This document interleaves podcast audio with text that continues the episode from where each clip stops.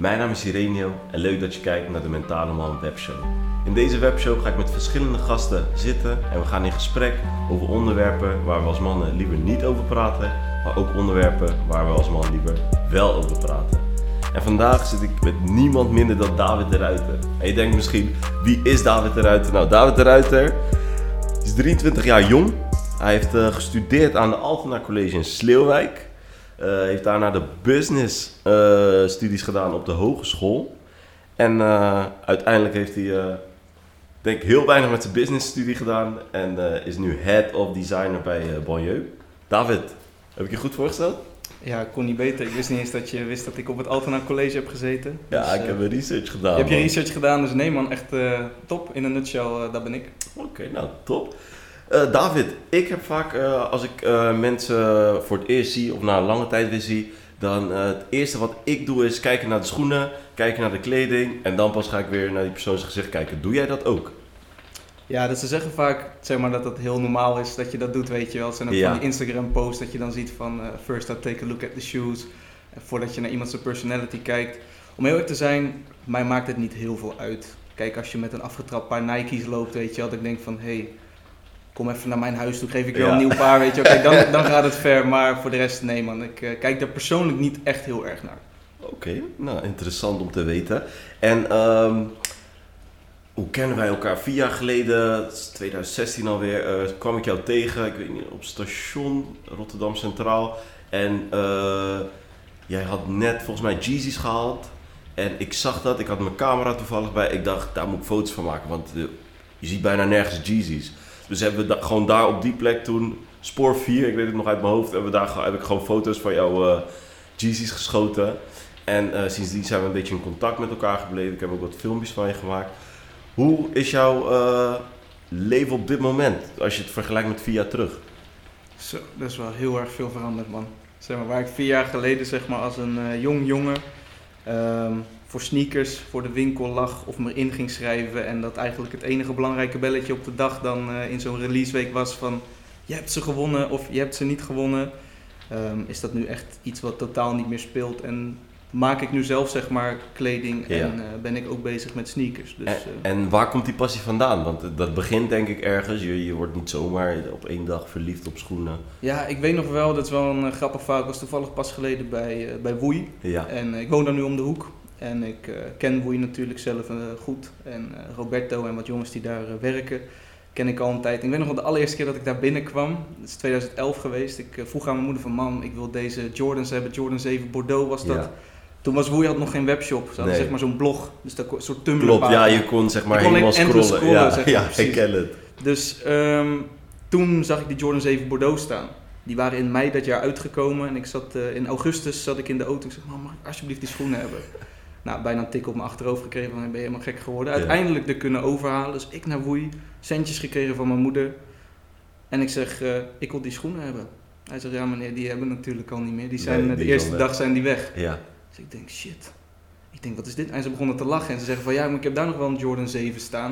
Maar dat is maat 47,5. Ja, ik had destijds maar 42. Toen kwam ik niet ver mee. Nee. Dus toen kwam ik een hele mooie, zag ik daar een Air Max One. En ik ben eigenlijk helemaal geen fan van Air Max schoenen. Ik heb ze daar ook nooit meer gekocht. Maar daar is het eigenlijk begonnen. Ik zag een Air Max One, de Kelp heet die. Ik heb hem ook nog steeds. Um, met een bruin bovenwerk, witte midsole en een roze uh, oudsole. Dat was best wel gek, want ik kwam uit een dorpje. En dat soort schoenen waren raar, weet je wel. Mensen droegen daar uh, ja, Bickenbergers.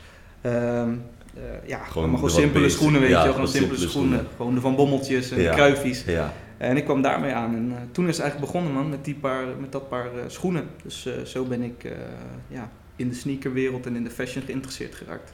Oké. Okay. En wat, wat inspireert jou, zeg maar, om, uh, om iets nieuws te ontwerpen? We gaan later, we gaan het straks uh, hebben over wat je doet verder. Maar wat inspireert jou daar? Waar haal je die, die inspiratie vandaan?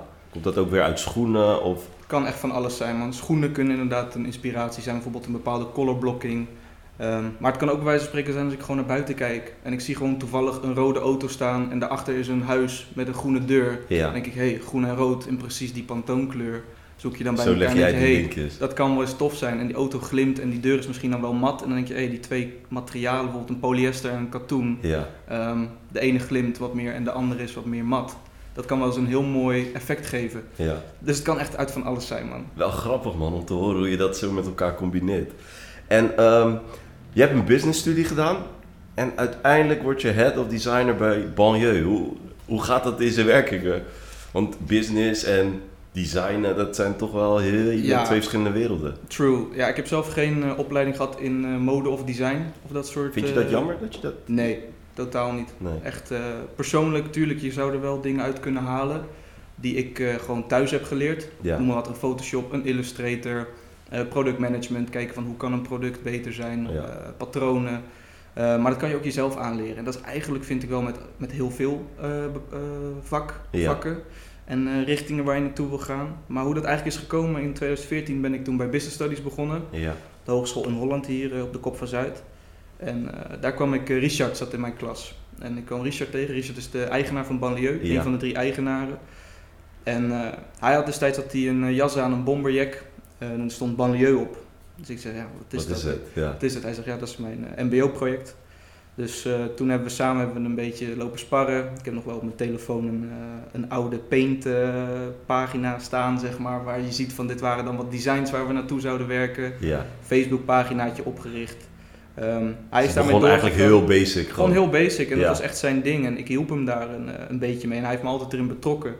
En ehm, ja, fast forward, eh, hij is daarmee doorgegaan en is eh, toen eh, met school gestopt. Ik was nog jong, ik was 16 toen ik op het HBO Nog, kwam. oh, wel nog steeds de business studie. Ja man, Ja. dus ik heb, vervolgens heb ik Business Studies gewoon gedaan. En scriptie geschreven voor een, voor een sneakermerk. Ja. Ehm, ik ben bij dat sneakermerk ook gaan werken. Ehm, en daarna eigenlijk altijd al gewoon het aanbod hier gehad om hier te komen. Ehm, er werd geloofd in de visie. ja. En dat is ook wel zichtbaar nu. Als je kijkt naar waar banlieue, voor de mensen die het kennen, als je kijkt naar waar het vandaan komt en waar het nu staat. het, groeit het groeit echt exponentieel snel. Ja. Het is echt bizar wat we voor eh, groei doormaken. En inderdaad, waar wij spreken drie seizoenen geleden een aantal t-shirts waren en een paar eh, trainingspakken. Ja. Zie je nu wel dat het gewoon echt een, eh, een echte collectie, Collectie is met een Eh, echte gedachtegang erachter. Precies, dus dat is eh, eigenlijk gewoon hoe dat is gegaan. En daar werk ik nu sinds eh, begin dit jaar weer Ja. bij Banlieue. En je hebt ook nog je, eigen, je eigen onderneming. Ja, klopt. Dat Garments bij David. Da- is het David of David? David. David, ja. En hoe combineer je dat eigenlijk? Laat je Ehm, dingen daarin terugkomen van elkaar? Of nee, doe je zijn het echt juist- twee gescheiden dingen van Ja, het zijn wel twee gescheiden dingen. Tuurlijk, een, soms als een inspiratiebron voor jou iets heel tofs is, maar niet binnen je brand past, dan kan je het natuurlijk altijd doorschuiven voor een eh, banlieue of Ja. andersom. Ehm, maar vaak zie je wel gewoon een hele goede, eh, evenwijdige lijn tussen die twee eh, directies, zeg maar. Ja. Voor Garments bij David gaat het meer om ehm, echt hele lang doordachte pieces en heel weinig eigenlijk. Gewoon dat eigenlijk echt gewoon het product helemaal spreekt. Ja. Ehm, en bij Banlieue is het meer zeg maar, het collectief, zeg maar. Je hebt een broek, je hebt een, je hebt een trui, je hebt een shirt. Je hebt eigenlijk heel de lifestyle eromheen. Daar waar Ja. Garments bij David echt gewoon meer is op bijvoorbeeld clean basics. Maar zegt dat ook wat over jou? Dat, je, eh, dat is natuurlijk jouw garment. Maar zegt dat ook eh, over hoe jij als persoon bent? Dat je echt wel erover na hebt gedacht. Over elke naadje echt. Ja, ja, denk het wel. Maar dat doe ik wel bij Banlieue ook hoor. Het enige is bij eh, Garments bij David is het meer zo dat ik echt wil laten zien dat eh, het product ook zonder branding ehm, een heel mooi product kan zijn. Ehm, bijvoorbeeld het t-shirt wat ik heb gemaakt, dat was het eerste t-shirt. Dat was Ja. in principe was dat gewoon een wit t-shirt in een ja. bepaalde fit. En die kon je dan op twee manieren dragen. En de gedachtegang was daarachter dat ik een, eh, een vintage shirt heel graag droeg. Ja, Maar als je bijvoorbeeld een rode print op een vintage shirt hebt en je hebt een blauwe schoen aan, dan wordt het al dan lastig. lijkt je snel Pipo de Clown. Ja. Dus dan droeg ik het shirt binnenste buiten. Ja, Maar dan lijk je voor jezelf geen Pipo de Clown meer, maar volgens de rest wel. Dus Wel. dan ze, hé, je hebt je shirt binnenste buiten, Ja. je, ik zie je maat in je, in je nek staan. Dus toen dacht ik, hé, hey, waarom maak ik daar niet wat van? Waarom zet ik niet expres het label in je nek? En dan niet met, het maat, met de maatlabel erbij, eh, dat het gewoon echt een design element is. ja, dus je hebt het eigenlijk omgedraaid, zeg maar. De, omdat het werd gezien als iets geks, heb jij er Ja. uiteindelijk wel een soort branding van gemaakt. En hoe, eh, hoe loopt dat nu? Goed, ik moet zeggen, ik hou het expres heel erg gelimiteerd en het blijft op een hele kleine schaal. Ja, Ehm, het gaat goed. De dingen die ik doe, kijk, ik heb er op zich niet super veel tijd voor. Banlieue vergt natuurlijk veel tijd. En hier wil je ook allemaal aandacht in steken. En de dingen die ik voor Garments bij David doe, die zijn ook wel heel erg doordacht. En steeds, ju- juist omdat ik nu dus zo erg ook hier mijn ding moet doen. ja, En niet moet doen, maar doe. Want ik vind het super tof eh, wat ik hier eh, elke dag mag doen. ehm, wil ik juist nog steeds de pieces die ik met garments moet even doen, misschien nog wel tien keer meer uitgedacht hebben dan dat ik ooit had gedaan. Ja. En eh, ja, er zijn heel veel dingen in de works. En is dat een stukje bevestiging voor jou? Dat je echt, dat je zegt van nee, ik heb hier echt zo hard aan gewerkt. Daarom vind ik echt dat het zoveel tijd in moet gaan zitten en zoveel details in moet gaan zitten. Ja, ja, denk het wel. Ik denk dat dat wel heel belangrijk is, zeg maar. Dat die bevestiging is, zeg maar, als ik er na drie weken, eh, als ik zeg maar drie weken het product elke dag zie en ik ben na drie volle weken niet meer overtuigd, dan is het een slecht product. Maar dat is ook bij Banlieue zo. Ja, Zeg maar, dat is ook iets, dat is ook een filosofie waar we mee leven. Als we na drie weken elke dag ernaar kijken en nog steeds, en nog steeds denken, wow, het is nog steeds een cool product, ja. dan is als dat die wow de gevoel nog steeds als is die naar- wow-factor er is, Ja. dan, ehm, dan gaan we ermee door. Eh, dus dat is wel een heel leuk eh, spelletje. Ja. Dus, eh, En dat ja. is wel iets wat continu kan terugkeren. ja, zeker. Bijvoorbeeld misschien voor nu niet, maar dan voor een volgend seizoen of in een Kun je ander dat moment. weer ja, implementeren. erin. Precies. En je werk is je passie, als ik het zo hoor. Neem je je werk ook mee naar huis? 100%. Vind je dat geen slechte eigenschap? Ja, je kan het als slechte eigenschap zien, maar inderdaad, als je werk mee naar huis neemt en het voelt als werk, dan is het denk ik een slechte eigenschap. Ja. Ehm, maar omdat het echt zo erg mijn passie is, denk ik niet dat het het is. En ik neem het, of ik het nou fysiek mee naar huis neem, zeg maar, want ik neem fysiek een sample mee naar huis en ik ga het fysiek uitmeten en of ik ga het fysiek helemaal fixen. ja. Of ik doe het in mijn hoofd. Je bent er nog steeds mee bezig. Ehm, Ervaar dus je dat niet als storend? Dat je er eigenlijk continu mee bezig bent? Zou wel storend ervaren kunnen worden, maar met name door anderen, denk ik. Ja. Eh, die kunnen zich er misschien aan storen. Want het is echt gewoon, ja, het is gewoon je leven in Ja. principe. En ik heb ervoor gekozen en ik heb daar geen moment spijt van. Maar ik snap wel dat voor een ander die denkt van, ja David, doe nou eens even rustig, weet je wel. ja. Dat, eh, dat soort dingen krijg ik wel eens te horen. Dus, En eh, wat, vinden, wat vinden je ouders er eigenlijk van, van wat je nu doet? Hebben ze je altijd gesteund eh, in het stukje overgang van business studies naar eh, designer? Of, hoe, hoe is hun kijk daarop? Mijn moeder altijd, maar die heeft me sowieso altijd eh, gesupport. Mijn vader komt uit een iets andere business tak. Ja. Hij zit in de real estate. Dus hij snapte het in het begin niet. Zeg maar, wat is dat design? Wat is dat nou? Ja. hij- Hij snapte het gewoon niet. Ehm, dus ik heb hem gewoon niet zozeer overtuigd met papa, ik ga dit doen. Maar ik heb de acties het laten zien. En eh, nu snapt hij het. En nu is hij zeg maar, de nummer één klant, zeg maar, bij Ja. spreken. Dus hij loopt ook gewoon in een baljeu trainingspak. eh. Na trainingspak dat nog net niet, maar ik heb hem wel eens wat dingetjes gewoon. Ik heb bijvoorbeeld een pokerset eh, Ja. bijvoorbeeld van Banlieue en dat vindt hij dan geweldig om met zijn vrienden te spelen, weet je. oh, dat is wel gaaf. dus hij, en hij is ook trots. Toevallig had hij afgelopen week een eh, LinkedIn post eh, ja, die heb ik gezien. ja. En dan zie je toch wel van, soms duurt het even, maar als je gewoon ervoor gaat en je, je ouders zien die passie en ze zien ook dat het goed gaat en ook al gaat het even niet goed.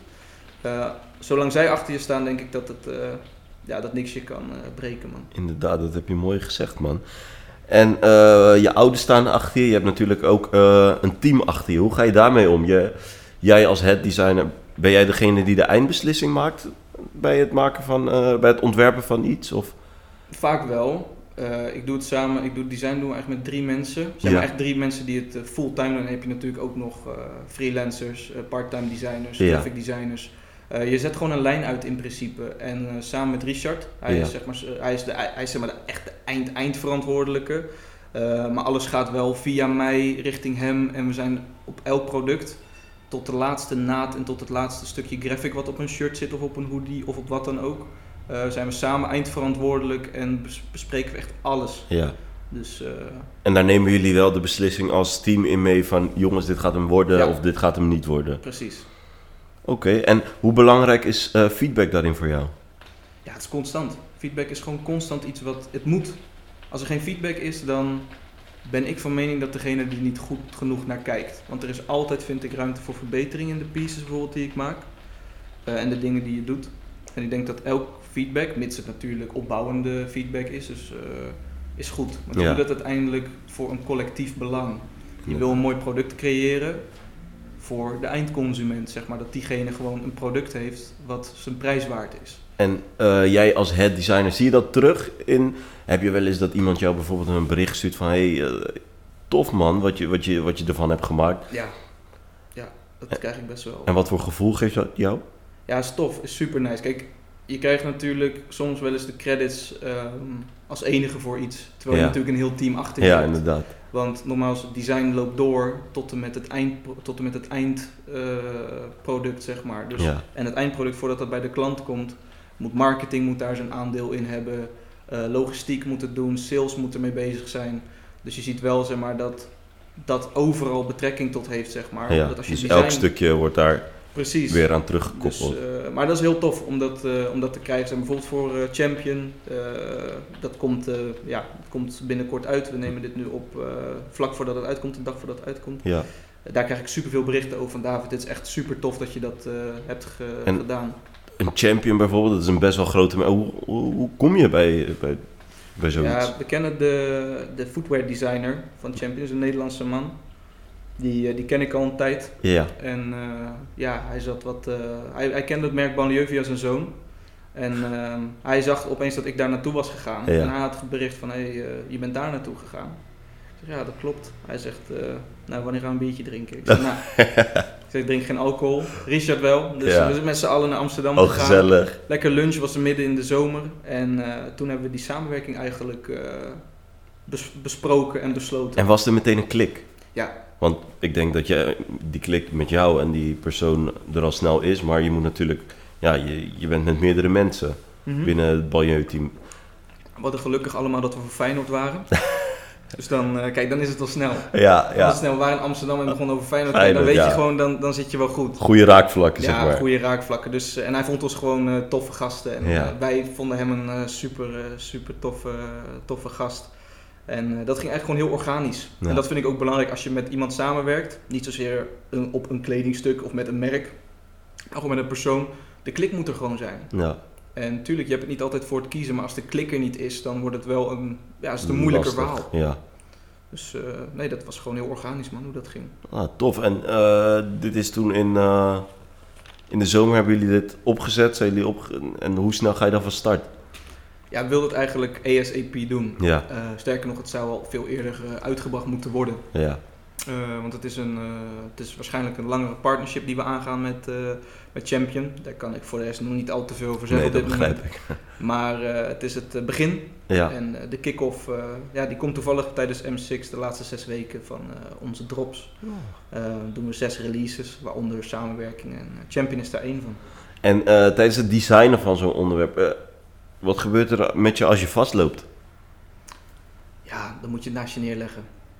Klinkt stom, dan moet je bij wijze van spreken gewoon eventjes, eh, want dat doe ik ook wel eens, dan loop ik gewoon even naar de overkant toe, daar zit de winkel. Ja, En dan, eh, dan ga ik gewoon even klanten helpen. Bij wijze van spreken. Gewoon even om een andere energie te krijgen. Weet Ja. je wel, dat iemand zegt van ja, moet ik een M of een L? Gewoon eventjes gewoon even wat anders. back to basic, Of gewoon weer als ik dan terug op aarde. jongens van het magazijn zie sjouwen met dozen, Ja, help ik even mee. Gewoon even het kopje leeg. En eh, gewoon eventjes eh, Richard opbellen van hey Ries, wat gaan we doen? ja. Hij zegt, nou dit, dat, zo, zo kan je doen. Ik zeg, ja, dat vind ik leuk, dat niet. Nou, dan uiteindelijk kom je altijd wel tot een, eh, tot een compromis. Dus zo gaat het eigenlijk. Oké, nou ja, dat is wel een belangrijk aspect. En hoe, hoe kom je voor jezelf tot rust? Je, je, ik, ik, ik ken je wel een beetje en ik volg je ook wel een beetje. En ik weet dat je lastig te bereiken bent soms. Ja. En hoe, hoe kom jij voor jezelf tot rust? Eh, ja, dat is denk ik toch gewoon heel simpel. Gewoon lekker op de bank liggen, telefoon op flight mode, Ja, wel even een pizzaatje. en eh, gewoon een filmpje kijken. En in slaap knikkeren op de bank. Dat Ja. is eigenlijk denk ik gewoon voor mij gewoon tot, eh, tot rust komen. Ehm, het zou ook zomaar kunnen zijn, dat doe ik, eh, nu vind ik het wel wat koud worden, maar in de zomer wat ik vaak deed is gewoon lekker even een, een comfy fit aan en gewoon even een, een groot rondje lopen. ja. Gewoon even hoofd legen. Toch stiekem inspiratie doe je op, weet je. Je krijgt even wat frisse Klopt. energie. Maar, eh, maar de van- prikkels zijn anders. Precies, de prikkels zijn gewoon anders, want je moet niet, maar het gebeurt gewoon. Ja, Gewoon het een beetje jezelf laten overvallen. Ehm, want ik ben ook van mening dat je niet altijd thuis moet zitten. Nee. Eh, en dat is best wel lastig voor heel veel mensen rond deze tijd van het, eh, ja, niet zozeer van het jaar, maar eigenlijk gewoon de heel dit periode jaar. waar we nu zitten, ja. Ja, dus dat is wel iets heel belangrijks. Gewoon dat je jezelf wel vrij voelt en dat je ook open staat voor nieuwe dingen. Dus bijvoorbeeld prikkels. Ehm, even een rondje lopen. Ja. Gewoon even je hoofd legen en eh, gewoon fris. Oké. En ehm, ik persoonlijk denk, als, als mensen jou zien, dan denken ze van, oeh, wat, wat is dat voor jongen? Een beetje ingetogen. En ehm, ben, jij, ben jij ook ingetogen persoon of valt het wel mee? Als je me, zeg maar, ik laat mezelf niet graag, eh, ik stel mezelf niet zo super snel open tegen mensen, maar als ik me op, openstel, dan ben ik zeker niet meer ingetogen. Dan, Nee. eh, dan schreeuw ik bij wijze van spreken het hardste van iedereen en dan vind ik het allemaal leuk en eh, dit, dat, zo, zo. Eh, maar over het algemeen sta ik niet zozeer eh, op de voorgrond per se, want ik denk van ja, waarom, weet je wel, niet nodig. Ja, ik vind natuurlijk het is leuk om die recognition te krijgen, bijvoorbeeld op een, op een Instagram. Ehm, maar ook daar is het relatief werkgerelateerd wat daarop staat. Het is niet Ja. heel persoonlijk. nee, inderdaad. Maar dat doe ik expres. Dus, Ja.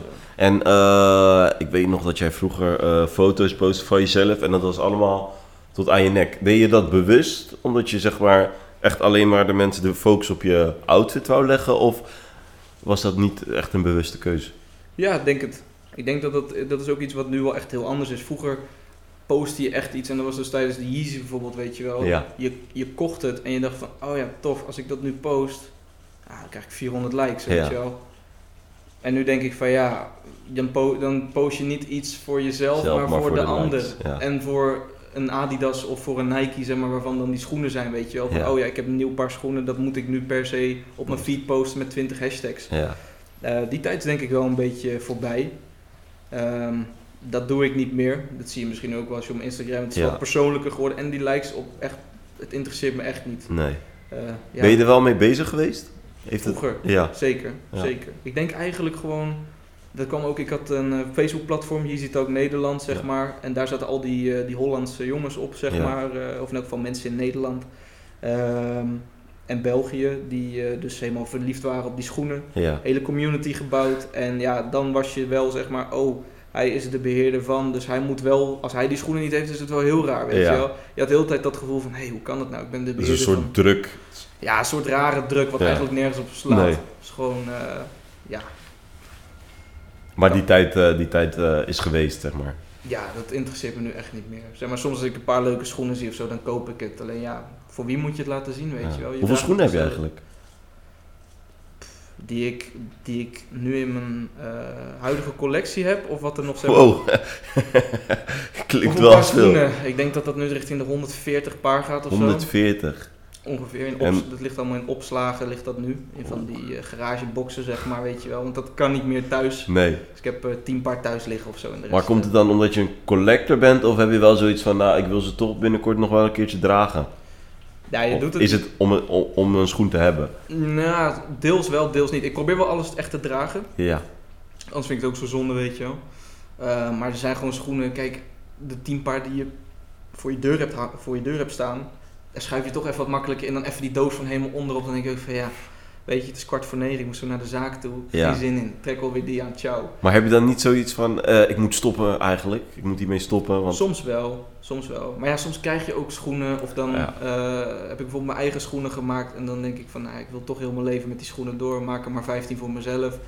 Weet je wel, dan denk je van, ja, wat ben je nou mee bezig? Maar Ja. wel zeg maar op een manier van, ja, is tof. En ik geef ook wel eens schoenen weg of kleding. Eh, dus daarmee zie ik toch wel dat ik mensen blij maak. Want ik kan een, ja, wat heb je aan zoveel? Weet je? Ja, inderdaad. En eh, je, je sprak over je eigen schoenen. Ik heb gevraagd of je wat eh, mee wil nemen wat echt Ja. dicht bij jou staat en wat jou een beetje kan omschrijven. Je hebt ze bij als goed Ja, ik heb ze aan. Dit is, een, eh, dit is het eerste paardje wat ik nu aan heb. Deze ben ik helemaal aan het eh kapot dragen, zeg Uitlopen, maar. Gewoon ja. helemaal van hoe ver kan die gaan. Eh, ik heb toevallig een, eh, een fris paardje bij me. En wat is het eh, verhaal achter de schoen? Nou, dat was wel leuk. Ehm, ik zat dus eigenlijk, eh, nou ja, het begin van dit jaartje natuurlijk die quarantaine. En ik dacht van ja, Garments bij David, dat stond een beetje op een laag pitje. Ja, We moeten het gewoon eh, weer een boost geven. Weer een boost geven, ja. En eh, toen kwam ik een fabrikant tegen die eigenlijk alles kon maken wat je wilde Voor een schoen. voor een schoen. En toen dacht ik van ja, de nummer 1 schoen in mijn opinie is de Jordan 1. Ja. Toevallig had ik in, ook tijdens quarantaine had ik eh, het eh, eerste paardje Chicago's eh, uit 1985 gekocht. Ehm, Als mensen die... David weet alles over schoenen, dus als het te snel voor je gaat, zoek ze even op en het zien Ja. er allemaal top uit. Basically is dat dus de eerste schoen die Michael Jordan onder zijn contract met Nike kreeg. Ja, was dat die 1? rode? Gewoon, was die rode, ja. zeg maar, met het rode en witte bovenwerk Ja. en dan met zwarte elementen er doorheen. Ehm super, super gave schoen, mijn nummer 1 schoen. Maar toch, die vorm van die schoen was zoveel anders dan hoe ze tegenwoordig zijn. Ja, Dus ik dacht, ja, hoe kan ik dat nou doen? Hoe kan ik die schoen nou, want ik wilde ze niet dragen. Maar Nee. hoe kan ik dus die schoen maken en dat ik ze wel kan dragen, zeg maar. Ja. Maar ze moet wel dat vintage idee krijgen. Toevallig was er één kleurencombinatie, de, de Neutral Grey, en die was nooit meer uitgekomen. Ehm, dat, is de- dat is deze eh, Model, kleuren, ja. kleurenpalet. En die is nooit meer uitgekomen. Dus ik dacht van ja, laat me die gewoon voor de gein eens doen. Ja, Gewoon eentje voor mezelf. kijken of het lukt. Kijken of het lukt. Ja. Gewoon fuck it. Gewoon scheid hebben. Ja, Ehm, dus dat gemaakt. En dit is overigens niet de eerste sample hoor. De eerste sample die is, eh, bijna, ligt bijna van ellende uit elkaar. Omdat die zo slecht was. Ehm, maar ja, fast forward eh, heb ik deze gemaakt. En eh, ja, super, super blij mee. En het verhaal was eigenlijk van... Heel veel schoenen en heel veel merken zijn alleen maar mooi ja, door het logo of door het embleem. Hetzelfde met Nike's. Heel Ja. veel Nike's zijn zonder de swoosh. Bijvoorbeeld, dan moet je maar eens even moet je maar bijvoorbeeld een bepaalde schoen zonder swoosh moet je even voorstellen. Dat is een hele rare schoen. Ja. Want die swoosh maakt de schoen. En ik vond dat echt de, de mooiheid van de, van de Jordan 1 lag in het model en niet zozeer in de swoosh. En het verhaal, de historie. Dus dat heb ik eigenlijk geprobeerd na te, na te bootsen. En eh, toen post ik dit op Instagram, een eerste sample. Ja, en tuurlijk, je krijgt wat mensen die je denken, ja, wat is dit nou, weet Ja. je wel. Maar dat is misschien 3% en echt 97% zit allemaal, waar zijn die schoenen, wanneer Ja. komen ze? Dus, eh, dus dat was heel tof. Dus ik uiteindelijk niet gereleased. Ehm komt misschien ooit nog wel een keer. ja. Eh, Bewust niet gereleased of... Nee, er was een eh, bepaalde instantie die mij had geconnect van eh, dat er eh, een cease and desist aan zat te komen als ik ze zou uitbrengen. Oeh, Eh, daar zit ik ook nog midden in het proces in, dus ik kan er verder niet over praten. Nee, dat begrijp ik. Ehm, maar voor nu kan het nog niet. nee. Maar ik hoop, ik ben nog steeds aan het vechten zodat ze wel kunnen komen. Ja. Of in elk geval, en mocht dit niet komen, dan zorg ik er wel voor dat ik iets anders doe. Wat, Want hoe ver was je eigenlijk al in de fase? Want deze is al af. was dit de een, nee, ik heb een stuk of, hoeveel had ik er? Een stuk of 100, 120 paar of zo. Die had je al liggen. Ja, die hebben nog steeds liggen. Dus ja, die zijn er nog steeds. Ja, maar dat is ook wel tof. En tuurlijk, je geeft wat mensen... Bijvoorbeeld, ik had vrienden en familie, die gaf Ja. ik dan een paardje. En dan zie je ook gewoon dat die hype nog steeds gewoon er is. En dat Ja. is wel heel erg... het is wel heel mooi. mooi. Ik heb nog steeds elke week krijg ik wel twee of drie verzoeken van David. Verkoop ze me nou, weet ja. je wel. Dus, eh, maar ik kan het niet doen. Nee, inderdaad. Anders is het in, alleen dus ik voor jezelf. eh. mee. Dus ik wacht. Maar wel, wel mooi, want ook weer bij de schoenen is ook weer te zien van... Je keert continu weer terug naar de basis. En dat is wel mooi ook aan jou, denk ik. Van, je houdt het wel simpel en daarna geef je er eigen twist aan. Ja. Dat is wel iets wat, denk ik, kenmerkend is voor, voor jou. En is dat ook iets wat je, eh, als we het kunnen terugkoppelen naar de ontwerpen die je maakt voor Banjeu... is dat ook wel weer iets wat, wat meetelt? Zeker. Ehm, heel veel merken die staan, die staan of vallen puur om de branding. En eh, wat ik heel belangrijk vond toen ik hier eh, kwam, is dat zelfs zonder het merkembleem of zonder een applicatie van het merk, het product al moet voelen als ja, dit is Dit voor mij. Ja. Dit, dit is kwalitatief goed. Dat je bij spreken de prijs al voelt. En je denkt van wow, dit is 120 euro. En dan zie je het prijskaartje is die 70 euro. Weet je? Ja. Dat is het gevoel wat ik heel erg wil creëren. Dus materialen staan eh, centraal. Eh, de fit staat centraal. Kwaliteit, hoe de nek zit, hoe de armen zitten. Gewoon het moet eigenlijk elk eh, lichaamstype op een positieve manier bevorderen. Zeg maar. Ja. Dus het moet gewoon iedereen goed kunnen staan. En dat is lastig voor ieder wat wil. Want er zijn Ja, heel veel bodytypes. Ja, Ehm, maar daar zijn we zeker een slag aan in het slaan. Dus dat is wel heel leuk om te zien. Ja, inderdaad. Ook wel gaaf. Je kwam hier binnen en het eerste waar je gelijk mee aan de slag was, was een winter, val-winter capsule. Ja, Hoe, hoe was dat gevoel? Voelde je eh, een druk gevoel of... ja ik weet nog wel, ik kwam, ik kwam eigenlijk midden tijdens... Het, de designs moesten al klaar zijn. Ja, En ik was eigenlijk... eh, ik was vorig jaar werd ik al eh, gevraagd van David... letterlijk iets meer dan een jaar geleden. Volgens mij een jaar en vijf dagen. Ja, het was rond de 24ste. Oh. gaaf. Toen eh, zat ik bij een evenement en toen kwam ik Richard tegen en zei: Ja. ja. kom nou bij me werken, weet je wel. Want eh, hij weet, ik weet nog wel dat ik na mijn scriptie eh, bij dat sneakermerk ging werken. En hij zei: Wat doe je nou? Hoezo kom je niet bij mij? Ja. Je moet bij mij komen werken, zegt hij gek. Dus ik zeg: Ja, ja, maak je geen zorgen. Hij zegt: Nee, weet ik, je komt heus wel een keer, zegt hij. Ja, Dus nou, terug bij de thuishaven, begin dit jaar, dus hier. Ehm, en het was gelijk game on, zeg maar. Ik moest gewoon ook 120% geven. Ja. En op dat moment, eh, ik kon goed photoshoppen.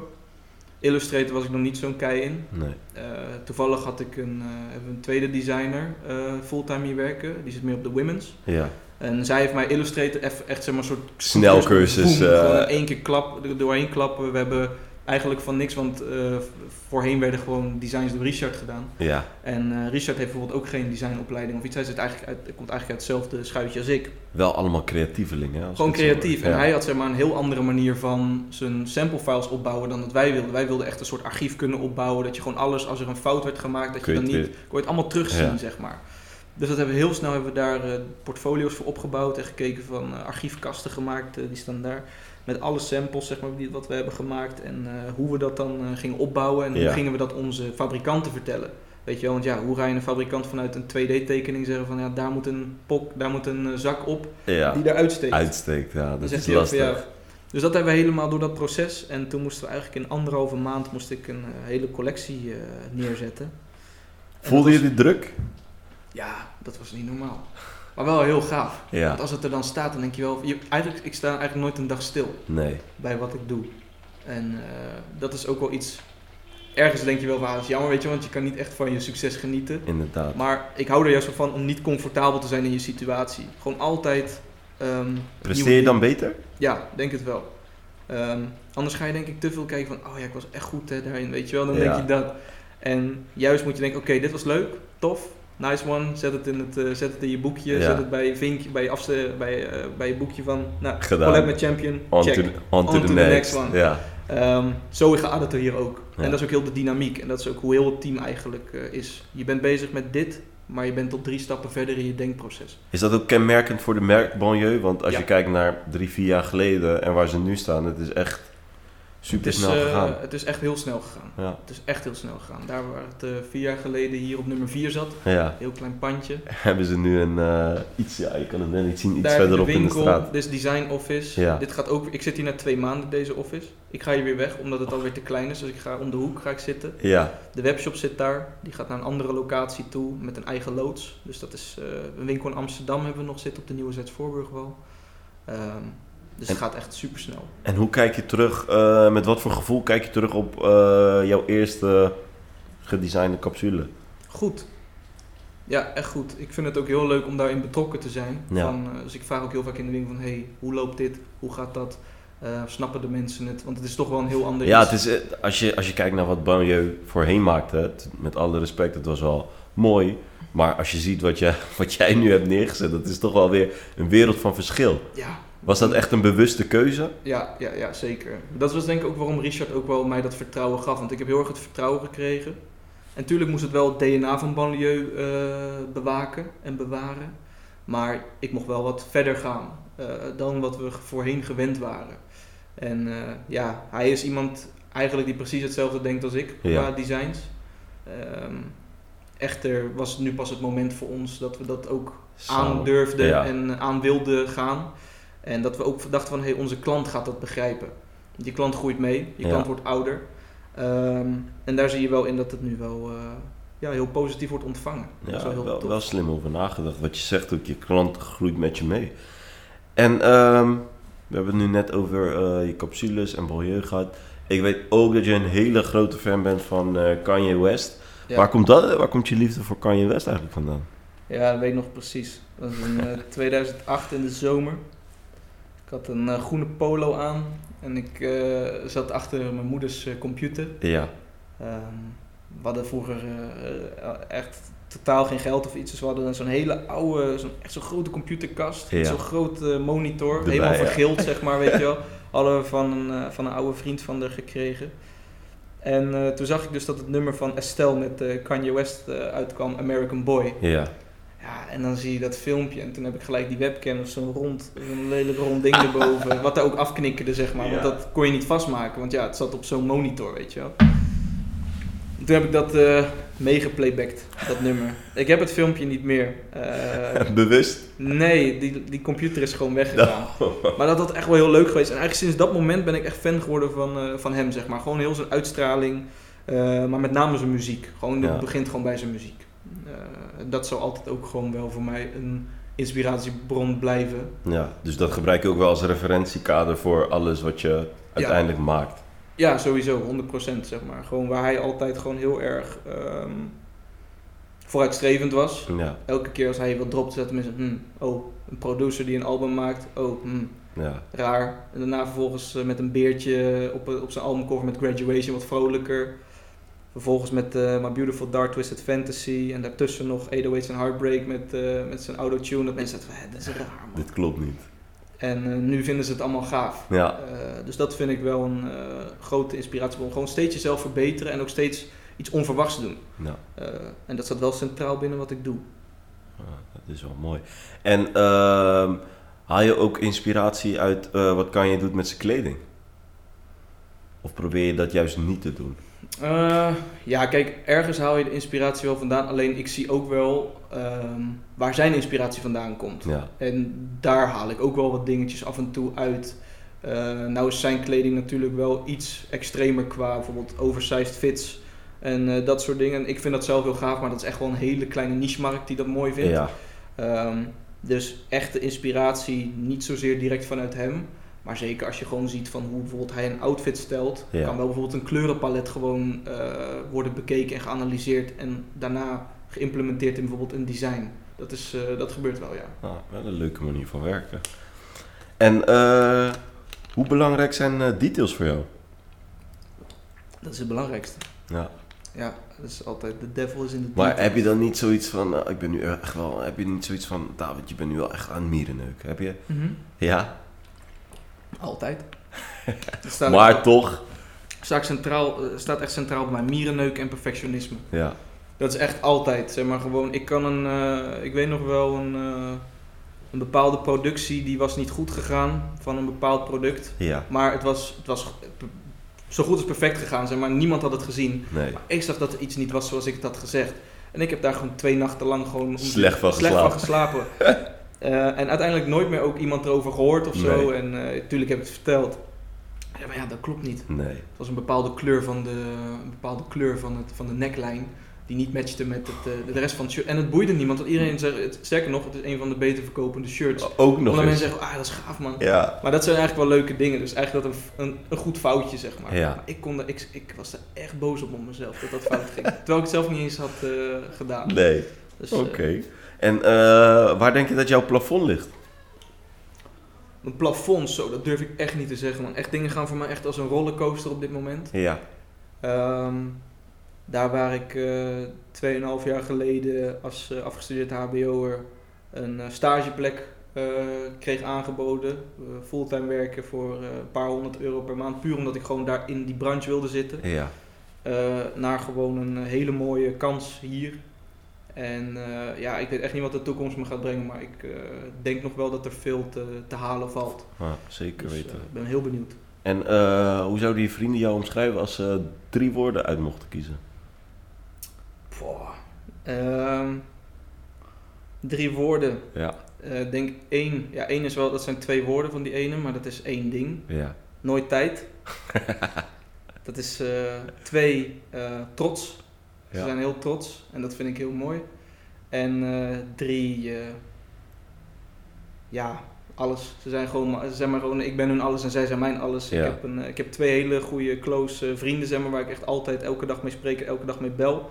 En we hebben alle drie een heel andere baan. En juist maakt dat het wel heel leuk. ja. Ze zeggen al, David, ik weet, je hebt nooit tijd voor ons. Eh, maar Het gevoel is heel trots, natuurlijk. Ja. En ik ga toevallig ga ik volgende week even naar ze toe.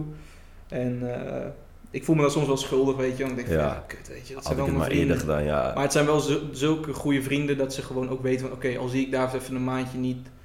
Je kan hem altijd bellen en ik zal altijd voor ze klaarstaan als het moet. Maar zeg maar voor bijvoorbeeld eh, puur een, een pizzapuntje eten of zo, heb ik gewoon niet altijd leuk. tijd voor. Ook al zou ik het super leuk vinden, weet je wel. Ehm, Maar dus- ik denk dat dat wel, dat, dat juist de vriendschap belangrijk maakt. Je weet van, hé, hey, als er wat is, sta ik altijd voor je klaar. Maar Ja, je weet ook 100%. van elkaar van, hé, hey, het is druk, het kan nu niet, maar we, we appen elkaar. Ja, Ik denk dat dat gevoel ook wel heel belangrijk is. En dat Mm. krijg je denk ik ook wel van ze. Ja, zeker. Die jongens geven me ook super veel energie. Ja. Dus dat is, eh, dat is top. Oké.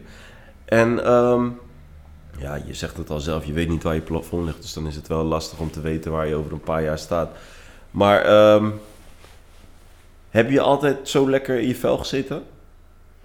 Nee, niet zozeer. Nee, ik heb wel tijden gehad dat het wel minder ging. Dat was eh, met name toen ik zoekende was van, hé, hey, wat wil ik nou, weet je wel? Ja. Wat, wat, wat ben ik nou? Wat wil ik nou? Dat was toen eigenlijk toen ik een beetje van het Altena College naar, het, eh, naar de hogeschool ging. Ja. Ik had ervoor gekozen om een, eh, om een studie te gaan doen in een stad waar niemand van mijn vrienden naartoe ging. Nee. Ik ging naar Rotterdam toe, daar Ja. waar iedereen in Breda ging studeren of in. Tilburg. Ja, dat Was ging jij een eenling die... eh, ja, was ik gewoon zeg maar eigenlijk een beetje eh, Ja. de eenling die naar een, eh, naar een Rotterdamse school ging en juist zeg maar gewoon daar zijn focus op had. Ja. En daar eigenlijk heel veel jongens die ik daar heb leren kennen, zie ik nog steeds. Waaronder een Richard. ja. En was het moeilijk om je weg te vinden? Ja, in het begin wel, omdat je zeg maar, je wist wel dat je iets wilde doen in bijvoorbeeld kleding. Ja. Maar ja, dan kreeg je bijvoorbeeld te horen van, ja, wat ga je doen? Dan ga je in een kledingwinkel staan. Ja, ja. En daar is niks mis mee. Nee. Maar ik wist, ik wist het gewoon niet wat ik wilde gaan doen. En ik wilde eigenlijk iets doen wat ik niet wist dat ik daar toe in staat was. Ja. Hoe weet ik nou hoe ik een kledingstuk moet ontwerpen? Weet je wel, zeg maar dat je heel erg denkt van, ja, maar ik heb die opleiding gedaan, dus ik kan het niet. Kan het niet, nee. Eh, en dat deed wel een beetje eh, pijn, zeg maar. Want je dacht van, ja, shit, heb ik nou wat goeie? Want ik was goed in mijn studie, Ja. maar ik vond het niet leuk. Eh, ik, vond er echt, ik vond er echt geen zak aan. Nee. Ehm, Was je bang toen je wat anders ging doen? Nee, ik was, ik werd, tuurlijk, je, hebt een beetje het gevoel van shit. Weet je wel? Is maar ik wilde sowieso wel? die studie afmaken. Ja. Want het ging gewoon goed en de cijfers gingen goed en eh goede gasten. Ehm, maar ik wist wel van ja, ik ga niet achter een bureau zitten Nee. Met alleen mijn scherm. En Want uiteindelijk, zit- ligt mijn hart uiteindelijk- niet. Ja. disclaimer trouwens voor iedereen die designer wil worden. Uiteindelijk doe je dat dus nog heel, heel vaak doe je dat gewoon. Ja. Je zit gewoon veel achter je computer, je moet met je producenten spreken. En het is niet allemaal knippen en plakken. Ehm, het is met name gewoon via je computer dingen doen. Ja. Maar het voelt niet als een computerbaan. Nee. Eh, zeg maar als zo'n kantoorbaan. En ehm, ja, als dat je ding is, moet je het vooral doen. Maar dat was echt niet waar mijn hart lag. Nee. Ehm, ik heb ook stage gelopen bij een eh, organisatie-adviesbureau. Ik weet nog wel, ik kwam daar een keer met een paar Jordans aan. Hij zegt, ja, Begreep er niks ga van. maar naar huis. Ja. hij. Dus ik dacht, top, ik had er toch wel geen zin in, weet je wel, dat soort dingen. Dus ik dacht, ja, top. Dus ik wilde het de volgende dag weer doen, maar toen dacht ik, nou, Nou. nee, ik moet wel mijn stage halen. Ja. Dus ehm, toen wist ik al, dit is niks voor mij, weet je. En eh, toen dacht ik van, oké, ik ga mezelf in diepe gooien. Ik ga gewoon eh, eigenlijk gewoon kijken met mijn scriptie en ook met mijn schoolopdrachten, zeg maar, die je moest doen van die projecten. Van, Ja. In wat voor branches kan ik dat allemaal doen? Ik heb bijvoorbeeld een keer bij een schoenenbedrijf gedaan, eh, van de heet dat. Ja. Eh, dat is eh, van een van de beste vrienden van mijn vader. Maar daar loste ik dan een logistieke kwestie op.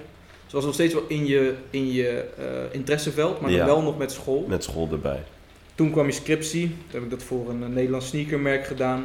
En, vervolgens Ging het daar al een beetje borrelen? Was dat het moment dat je dacht van nou... Ja, het was zo. Ik kreeg van dat merk kreeg ik een... in 2017 kreeg ik een bericht. Ik had van een eh, ander schoenenmerk een eh, paar schoenen gekregen. Ander Nederlands schoenenmerk. Ja. En toen eh, had ik die op mijn Insta-story gepost. Hey, dankjewel, die en die. En toen kreeg ik van een merk waar ik later ben gaan werken, kreeg ik een DM van... Ja, maar what the fuck? Hoezo heb je niet die van mij? Dus ik zei ja, om deze manier Die hebben we opgestuurd, ja. dus hij zegt, oké, die stuur ik je op. Dus super tof. Dus ik Ja. denk, nou, dat geloof ik toch niet. Ik had misschien eh 1200 volgers of zo. Ik denk van, ja, dat is een mooi verhaal. ja. Uiteindelijk, ting dong, twee weken later, ik krijg dat paar schoenen krijg ik binnen. Ik denk, wat? Hoe dan? En toen kwam ik, eh, was in de zomer toen van 2017. Nou ja, daarna was mijn eh, laatste schooljaar. Dus eh, ik moest mijn scriptie schrijven. En ik zei van, ja, kan ik dat niet bij jou doen? Zeg maar een soort terug, teruggeefactie, weet je wel. Van, hé, hey, als jij die schoenen aan mij hebt gegeven, kan ik dat Dan voor jou doen. wil ik ook wat voor jou. zeggen van ja, we doen eigenlijk geen stagiaires. Maar ik zeg ja, maar help me nou. Dus uiteindelijk mocht ik daar mijn scriptie schrijven. En toen ben ik daar 2,5 jaar blijven hangen. En Leuke periode gehad? Ja, sowieso. Heel veel geleerd. Ik Ja. begon daar gewoon, eh, gewoon heel veel geleerd. Zeg maar. Dat was gewoon eigenlijk mijn entree in de fashion-industrie, zeg maar. Gewoon hoe het werkte. Eh, veel plekken gezien. Eh, Wat is het leukste wat je hebt gezien? eh, Eén van de leuke. Ik denk dat er Ja, heel ik veel denk zelf wel dat sa- samenwerking waren wel heel tof om te doen. Weet je, Ja. we gingen naar Londen toe om voor met een andere partner te praten voor samenwerking. Maar het allerleukste was denk ik toch wel, dat was nog tijdens mijn stageperiode, toen had ik nog niet eens een contract gekregen daar. Ehm, toen deden we een eh, samenwerking met eh, NASA. Oh. En eh, dat waren het eerste sneakerbrand ooit die dat deed. En ik was daar, ik deed daar de marketing en de collabs bij het merk. Ja. En toen ehm, weet ik wel dat ik al die blogs heb benaderd, zeg maar. Van Oh. bijvoorbeeld Hypebeast en Ja. High Snobiety. En daar waren ze nog niet echt eerder opgekomen. Nee. En opeens beginnen ze dat te posten. En opeens begint ons Instagram boom zo in de lucht te Booming schieten. gewoon. En ik werd gebeld, ge-sms'd, bijna gewoon vermoord. Bij wijze van van, "Ah, ge- geef me die schoenen. Ja. Dus we hebben een pop-up store eh, geopend. En wel al volledig in NASA. Helemaal thema. naast het ja. thema. En toen hebben we een release party gedaan. En toen eh, aan het eind van het evenement zeiden we van, nou jongens, was tof. En zeiden de 30 jongens van, nee, we gaan niet weg. Ik zei, oké, wat ga je dan doen? Ze zeggen, wij gaan voor de winkel slapen. Hoe- Ik denk, wat? Wat ik dus zeg maar twee jaar daarvoor deed, voor Ja. een paar Yeezys bij wijze van spreken. Die Dat zag je nu mensen terug doen voor... Voor, voor hetgene wat jij mede hebt neergezet. En hoe was dat gevoel? Ja, dat is niet normaal.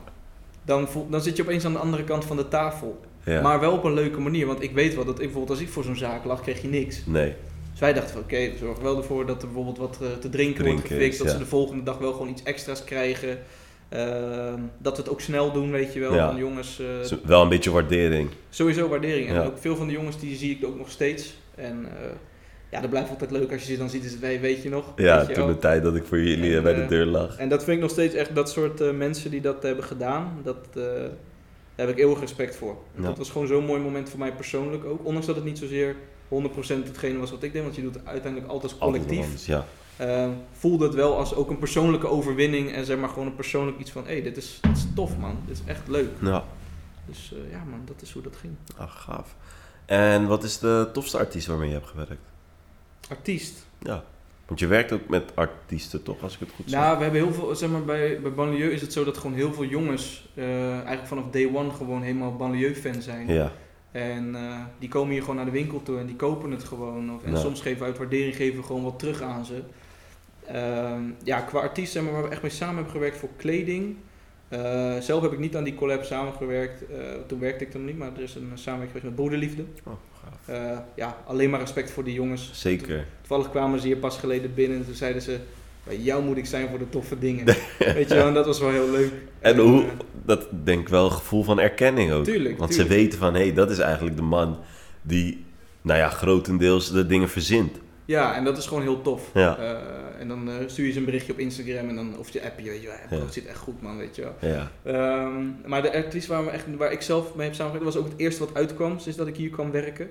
Ehm, het eerste, ik weet nog, Richard zei tegen mij, David, je begint op 1 mei. Oké, top. En je moet, eind mei moet je de samenwerking tussen ons en 777 af hebben. Dat is het eh, platenlabel van, Van van. Ja. En 777 heeft ook die kledinglijst Siebenwear. Ja. En eh, dat is eigenlijk gewoon, daarmee doen we de collab Een met soort Siebenwear. crossover. Een crossover, zeg maar. Siebenwear valt onder het eh 777 eh, gedeelte van Frenna en al die jongens eromheen.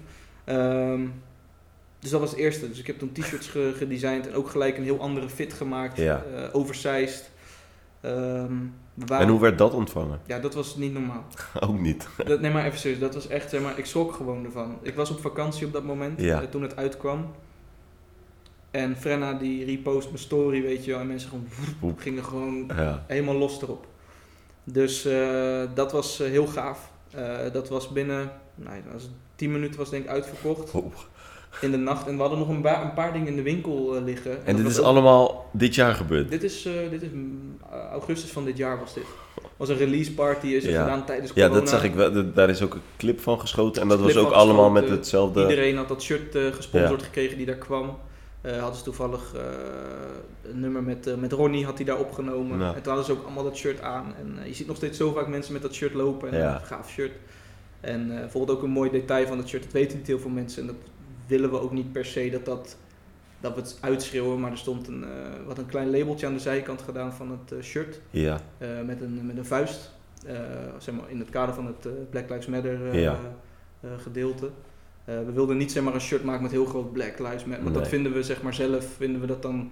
Ja, dan zit je toch, ga je dat dan dragen, weet je wel, dat shirt? Puur of is omdat het puur omdat dat ja. erop staat? Maar we wilden wel zeg maar gewoon wel een statement. statement maken. Maken, ja. En met wie kan je dat dan beter doen op dat moment dan met gewoon een independent, eh, zeg maar met gewoon independent brand, Ja. black owned. Ja, eh, voor een gedeelte. Want het is, eh, de ene eigenaar is, is, komt uit Kaapverdië, de andere is Turks en de andere is half Surinaams. ja. Dus, dat is Dus gewoon- wel gewoon lekker multicultureel. dat is ook wat wij heel erg ja. voor staan binnen het bedrijf. En ehm, dat vind ik ook heel mooi. En dat wilden we juist met een heel subtiel detail wilden we dat toen eh, melden. En eigenlijk de enige die daarover heeft gesproken ben ik op mijn eh, social media. Ja, ik wou net zeggen, heb je daar iets over Een heel klein stukje eh, heb ik erover gezegd, gewoon ja. dat dat mijn favoriete detail was van het shirt. Want ondanks dat het zoiets makkelijks is om te maken, dat hele kleine gedeelte had het meeste impact, voor mij op het shirt. Ja, Het shirt was leuk, En het was tof dat het zo goed werd ontvangen, maar toch vond ik het mooi dat iedereen die dat shirt kocht, met dat eh, kleine embleempje, Embleempje liep. Dat vond ik heel belangrijk. Mooi man.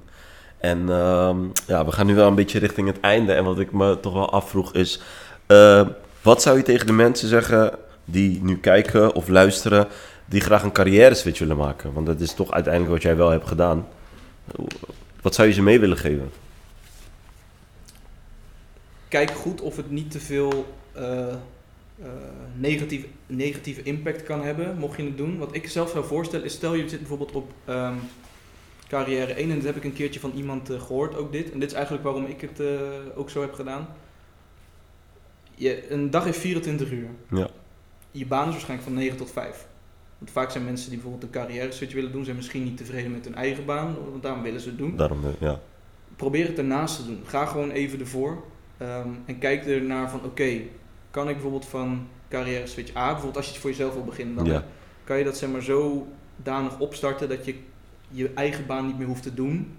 Maar zorg er wel voor dat je nog die, eh, die terugval kan hebben op dat moment. Ga niet gelijk van, eh, stel dat je een huis hebt en het staat onder water, bij wijze van spreken, qua je hypotheek. En je denkt van, nou prima, ik ga even een carrière switch. Dan moet je goed kijken. ja. Kijk naar de voor- en de nadelen, maar ik zeg wel gewoon doen. Zeker als het je gewoon mentaal helemaal kapot maakt, je huidige baan. ja. Eh, ja, mij lijkt het heel erg eng om later een jaar of 60 te zijn. En dan zegt, zeg je tegen je kleinkinderen van... eh Ik heb iets ja, gedaan opa heeft wat ik eh, eigenlijk iets gedaan wat hij helemaal niet leuk vond leuk vond. leven. Ja. is ook een leermoment. Maar Zeker. Maar dan wel, denk ik, iets te laat. Dan, Voor hemzelf wel. Misschien Ja. voor zijn kleinkids dan niet. Maar dat zou ik zelf nooit, nooit willen. Dus vandaar gewoon je Ja. ding doen. Dat mooi gezegd. De leidraad van, deze, van, deze, van deze aflevering is jong en succesvol. Dat was ook echt de reden waar ik aan jou moest denken. En ehm, ja, bedankt allereerst dat je, dat je dit eh, met me wou doen, man. En ehm, ik denk wel dat we er zijn. Cool. Dankjewel voor je tijd. Dankjewel voor de mooie locatie dat we hier eh, mochten filmen. en, eh. Altijd. Jullie zijn altijd welkom. Dankjewel. Dankjewel dat jullie me nog niet zat zijn na ongeveer een eh, uur gesproken te ja, hebben. zoiets. En, eh, En nog één ding wat ik eigenlijk ook wel belangrijk vind. Eh, hoe hoog staat mentale gesteldheid voor jou? hoe hoog staat dat bij jou aan het vaandel? is het meest belangrijk. Want zonder je mentale gesteldheid gaat het in elk facet van je leven, of het nou is op je relatie, of het nou is op je werk. En relaties is niet zozeer alleen je vriendin of je vrouw of je man, maar Nee. dat is ook gewoon je relaties met je, je werknemers, je collega's, je ouders, je familie, je vrienden. Ehm, als jij jezelf niet goed op je gemak voelt in je mentale gesteldheid, praat er voornamelijk over. Want heel veel, want dat is ook iets wat wel, ehm, wat, wat we net even off the record hadden besproken, zeg maar, veel mannen praten er niet over. Nee. Maar doe dat gewoon, weet je wel. Een zachte kant laten zien is niet erg. Waarom zou dat erg zijn? Eh, zolang je zelf maar erdoor sterker wordt en harder wordt. Zeker. Eh, dat is denk ik wel een heel mooi leermoment wat je eruit kan halen. Zeg maar. Als je jezelf zachter maakt, kan je er alleen maar harder uitkomen. Nou, maar meer gaan we er niet aan toevoegen. David, dankjewel. Geen dank man bro. En eh, ik hoop dat je hebt genoten van deze aflevering. En ik zou zeggen, blijf de pagina checken en eh, er komt snel meer. Thanks.